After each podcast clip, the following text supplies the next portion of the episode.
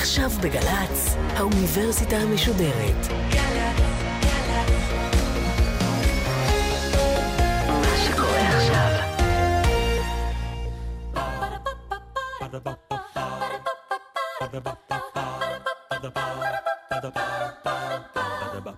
האוניברסיטה המשודרת מציגה מהים התיכון למזרח התיכון. ליעד מודריק ממפה את הבריתות במרחב.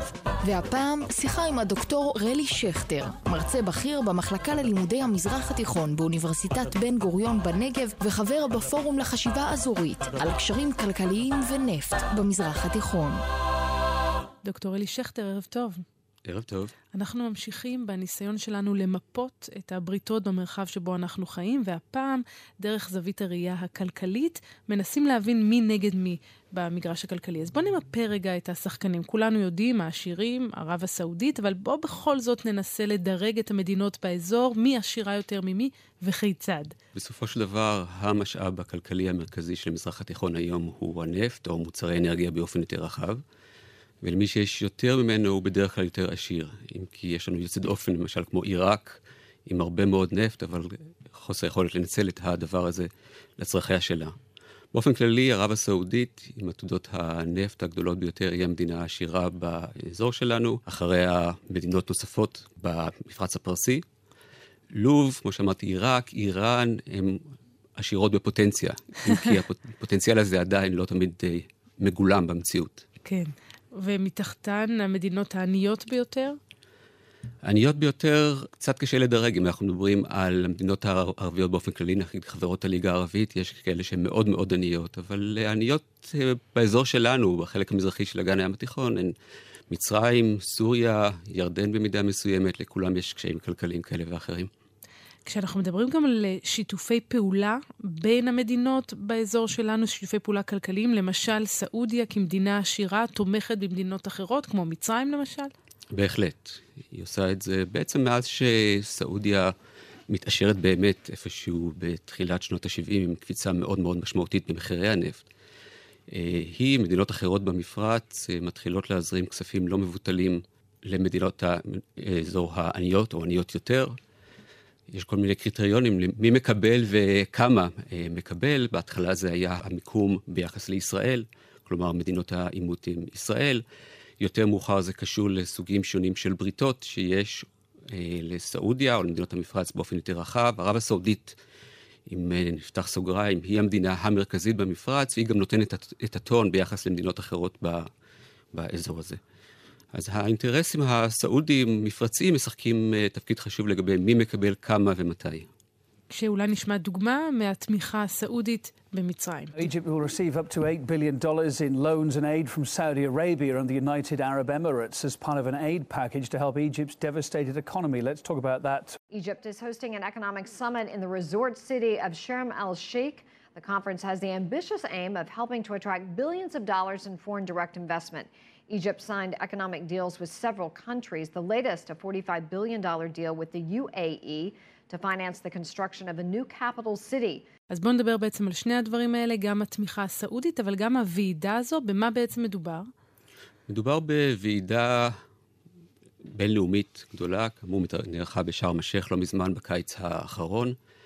אה, מאז שסיסי עולה לשלטון כנשיא מצרים, למעשה מצרים חוזרת להתנהג כמו שראינו אותה מתנהגת ב-30 או 40 שנה האחרונות. או במילים אחרות, היא נמצאת תמיד בגירעון תקציבי והיא מחפשת דרכים חיצוניות מחוץ לכלכלה המיידית שלה, אה, איכשהו לאזן את התקציב וגם לעמוד בהתחייבויות שלה כלפי העם המצרי.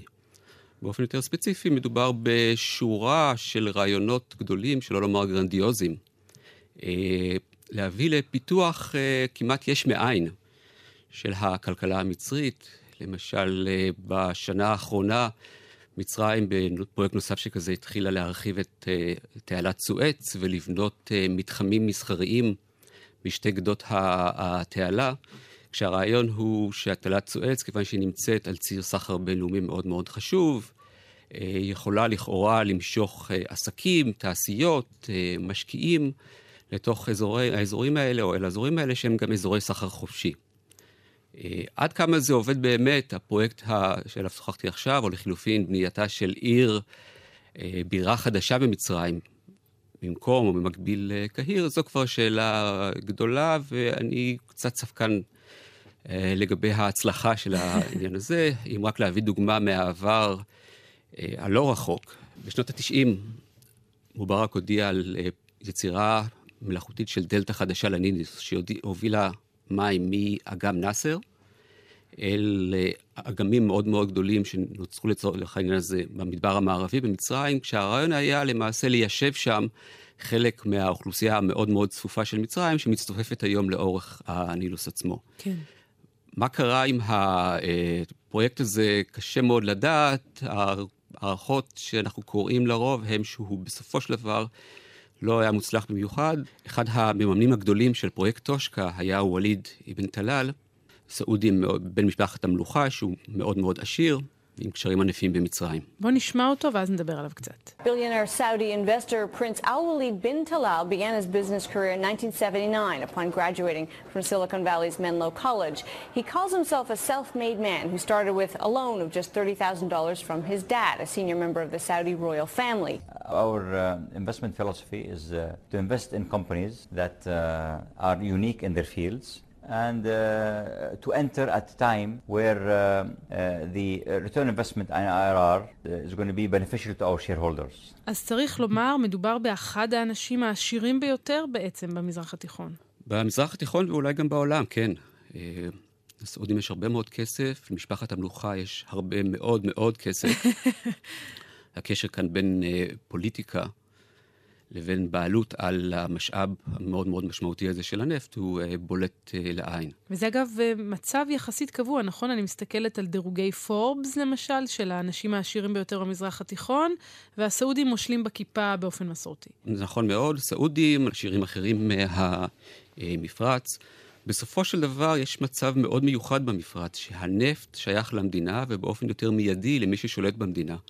אותם, אותה משפחת מלוכה סעודית או שייחים כאלה ואחרים שמושלים במדינות המפרץ האחרות. וההבחנה כאן בין הפרטי לציבורי היא אה, לא תמיד ברורה. על כן, אה, הרבה מאוד מהעסקים שקשורים לנפט, אבל גם שלא קשורים לנפט באזור הזה, הולכים במידה רבה לכיס או לכיסיהם של מי שמקורב לשלטון. אז זהו, כשאתה מדבר על מדינה עשירה, אני מניחה שאתה לא מדבר בהכרח על אזרחים עשירים. האזרחים הם גם עשירים, מפני שהמדינות המפרציות, או מדינות הנפט בכלל, יש להם מה שאנשי מדעי המדינה קוראים לו לפעמים אמנה אה, חברתית מאוד מעניינת, שקושרת בין נאמנות פוליטית לבין חלוקה של משאבים לאזרחים. או במילים אחרות, בערב הסעודית, במדינות אחרות, יש לנו חברת אה, רווחה מאוד מאוד מפותחת, שכוללת אה, שירותי רווחה שהמדינה אנחנו מכירים ממדינות רווחה אחרות, כמו חינוך, אה, בריאות, סעד, אבל גם כוללת למשל התחייבות לתעסוקה על ידי המדינה של אה, אזרחים משכילים, או בעצם של כל מי שירצה בכך מבין האזרחים של המדינה, שהם לכשעצמם בסך הכל אחוז קטן ממי שעובד במדינות האלה. כלומר, רוב העובדים מגיעים מן החוץ? רוב העובדים הם עובדים זרים. למעשה יש לנו אה, הבחנה מאוד מאוד ברורה בין המגזר הפרטי, שהוא ברובו המכריע אה, זר, לבין עובדים אה, שהם אזרחים סעודים, והם בדרך כלל יעבדו בשירות המדינה, או אלא אם כן הם יתפסו מקומות מאוד מאוד מרכזיים בכלכלה הפרטית, או במגזר הפרטי, זה נכון. אבל כמה מקומות עבודה יש למדינה לספק? אז זהו, זה אחת ההתמחויות של מדינות בכלל במזרח התיכון. לא, המדינות הנפט לא יצרו את המצב הזה. למעשה, אותה מנה חברתית שהזכרתי קודם בהקשר הסעודי, היא אה, דבר שניתן למצוא בכל אחת ממדינות האזור. איזושהי התחייבות מאוד מאוד ברורה של המדינה להעסיק משכילים במסגרתה. אה, אולי הייתי גם מציין שבעבר היה לזה איזשהו היגיון בחלק מהמדינות ששאפו לפיתוח כלכלי מהיר דרך המדינה, או באמצעות פרויקטים של המדינה. משנות ה-70, בעיקר שנות ה-80, יש לנו תהליכים של ליברליזציה כלכלית מצד אחד. המדינה שואפת להצטמצם, להפריט, ומצד שני היא נשארה מחויבת להעסיק אה, אזרחים רבים ככל הניתן במסגרת שירות המדינה. שזה מעניין, מה לגבי הלא משכילים? באופן כללי, ההתחייבות של המדינה, אולי הייתי צריך לציין את זה קודם, באופן יותר ספציפי היא מעמד הביניים או מעמדות הביניים המקומיים. כלומר, המדינה מתחייבת לחינוך חינם, ואחר כך כאמור אה, אה, משרות בשירות הציבורי, והכוונה היא בראש ובראשונה למי שיכול, למי שמקבל את החינוך הזה. יש לציין שיש לנו שינוי חברתי מאוד מאוד משמעותי אה, במזרח התיכון, שוב, ב-30-40 שנה האחרונות. אה, יש לנו שיפור מאוד מאוד מרשים, גם באחוזי האוריינות, אבל גם באנשים שממשיכים לתיכון וגם לתארים יותר מתקדמים. אם כי על, הכמות באה לא, לרוב על, על חשבון איכות. זאת אומרת, יש לנו אה, מערכות השכלה מאוד מאוד רחבות, ענפות, אבל האיכות של החינוך בהרבה מאוד ממדינות המזרח התיכון היא אה, בעייתית. עדיין זה עומד בניגוד אולי לחלק מהסטריאוטיפים שיש לנו לגבי מדינות uh, ערביות. אתה בעצם אומר, במדינות המפרץ לפחות, השכבה המשכילה היא השכבה השלטת? כן, בהחלט. בהחלט. הדימוי הזה של הבדואים מהמדבר, אם, אם פעם היה נכון, הוא בוודאי לא נותן היום. זאת אומרת, אה, יש לנו מערכת, במפרץ, במדינות הנפט העשירות, יש לנו מערכת אה, השכלה טובה, לפעמים אפילו טובה מאוד. בשנים האחרונות היא אה, למעשה גם שודרגה כשנכנסו אוניברסיטאות זרות, או סניפים של אוניברסיטאות זרות, בעיקר אמריקאיות. כן, לאבו דאבי. לאבו דאבי, כמעט לכל נסיכות ולכל מדינה היום יש מין שלוחה של אוניברסיטה אמריקאית או אחרת בינלאומית, יש אה, מרצים זרים, גם מרצים מקומיים. שוב, הדימוי שלנו לגבי הבדואי או התושב המפרץ הלא משכיל, שהוא אגב היה גם הרבה שנים הדימוי הרווח בעולם הערבי כן. לגבי המפרצים, הוא, הוא, הוא, לחלוטין לא נכון. אבל מה לגבי שאר המדינות שאינן מדינות המפרץ? שם המצב בכל זאת שונה. גם שם רמת ההשכלה היא גבוהה. שוב, אנחנו צריכים להפריד בין איכות לבין אה, כמות. כמות. יש לנו הרבה מאוד משכילים, ואחת הבעיות שהרבה פעמים מוזכרות בתקשורת, או כשמשוחחים על הבעיות יסוד במזרח התיכון, היא עניין של השכלת יתר, או העובדה שאנשים צעירים בעלי השכלה אינם מוצאים אה, מקומות עבודה. הבעיה היא לא ההשכלה עצמה, הבעיה היא הפער המאוד מאוד משמעותי בין השכלה, השכלה גבוהה, לבין שוק העבודה אה, במדינות המזרח התיכון. והזכרת קודם את התמיכה של ערב הסעודית במצרים, והתמיכה הזו יש לה שני צדדים. המצרים אה, תומכים פוליטית בערב הסעודית, אולי נשמע דוגמה מהסיסי. كان محتما أن يكون هناك تحرك عربي حازم تشارك فيه مصر من خلال ائتلاف يجمع بين دول مجلس التعاون الخليجي ودول عربية وأطراف دولية. אז מה שמענו עכשיו?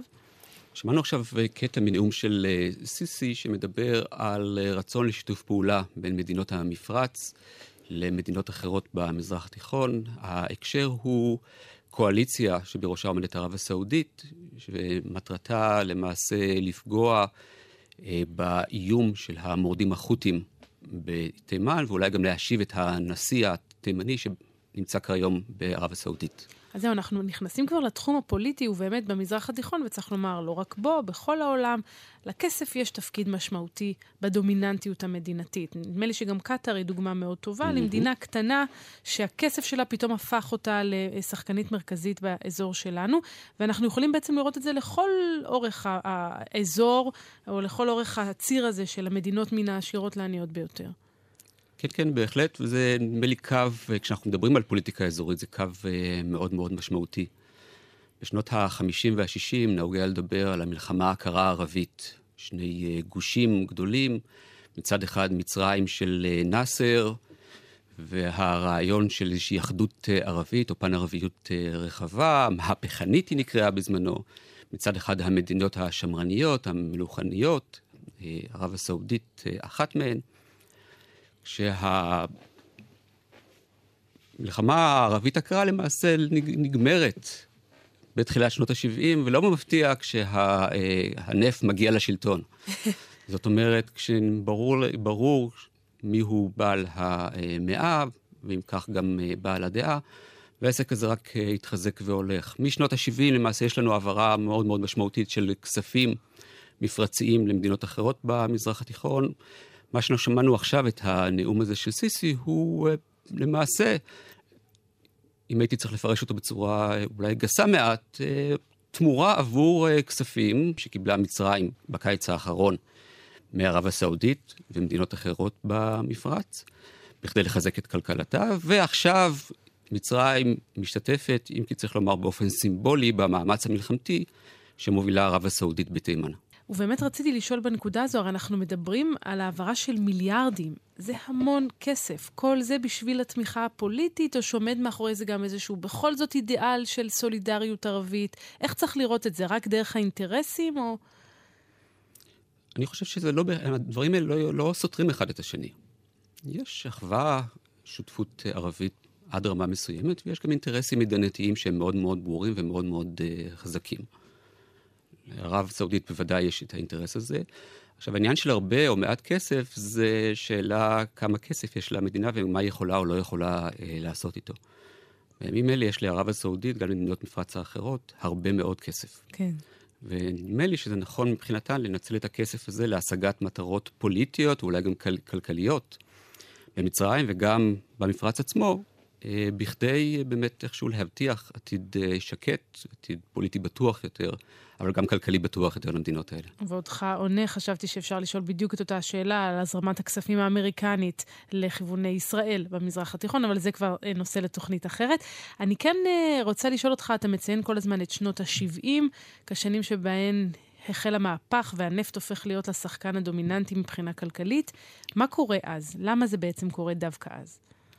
צריך לציין שהמהפך הוא למעשה יותר הדרגתי מאשר אה, מהפכה.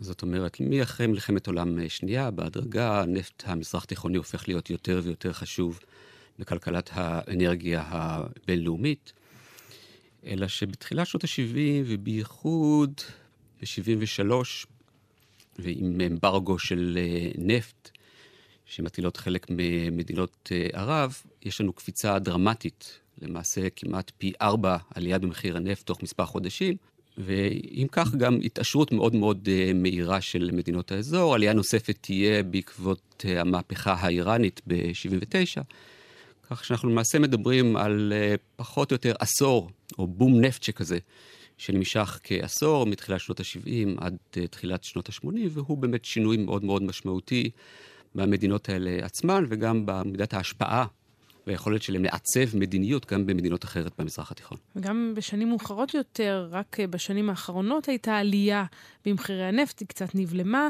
אה, וזה שוב אנחנו מסבירים בחיבור הזה שבין פוליטיקה לכלכלה? ההקשר, נדמה לי, יותר מיידי הוא שינוי בכלכלה העולמית. כן. זאת אומרת, אה, שנים של התעצמות גדילה מאוד מאוד משמעותית בכלכלה העולמית עצמה, עלייה בביקושים לאנרגיה מצד מדינות מתפתחות כמו סין בראש ובראשונה, כן. הודו, ברזיל, אחרות, כן. ו- ומתוך כך גם עלייה במחירי הנפט, אבל בהחלט מה שהתהליך שתיארת הוא נכון, אנחנו באמת חווינו במהלך שנות האלפיים איזשהו אה, בום נפט נוסף, שלא כל כך uh, שמנו לב אליו.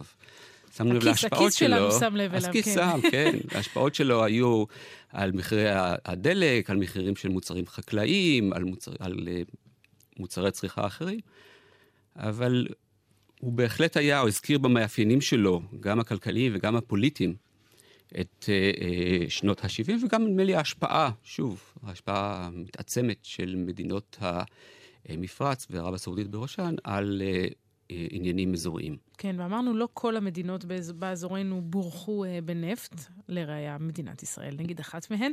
אה, אילו אלטרנטיבות אנחנו כן רואים באזור לכלכלה שאינה מבוססת נפט? אם תרשי לי, נדמה לי שישראל יש לה פוטנציאל להפוך להיות מדינת אנרגיה. בזכות אנחנו, הגז. בזכות הגז, נכון. ויכולות להיות לזה השלכות מאוד מאוד מעניינות על הכלכלה הישראלית, חלקם אולי יותר טובות, חלקם פחות טובות. אנחנו uh, הרבה פעמים חושבים על מה יכול להיות רק כשיש לך הרבה נפט ואיתו הרבה כסף. אבל יש לנו לא מעט מחקר על מה שנקרא קהילת הנפט, או קהילת המשאב. הסבר. זאת אומרת שיש לנו, לנו תופעות לוואי אה, חברתיות, פוליטיות וגם uh, כלכליות שהן לאו דווקא חיוביות כשמדינה מכניסה לכיסה הרבה מאוד כסף שמגיע אליה ישירות מהכלכלה העולמית ולא מאזרחיה, ושהמדינה או מי שעומד בראשה יכול כתוצאה מכך למעשה להחליט על סדר היום החברתי, מדינתי, אה, שלו בלי לשאול יותר מדי את האזרחים של אותה מדינה במה דברים אמורים.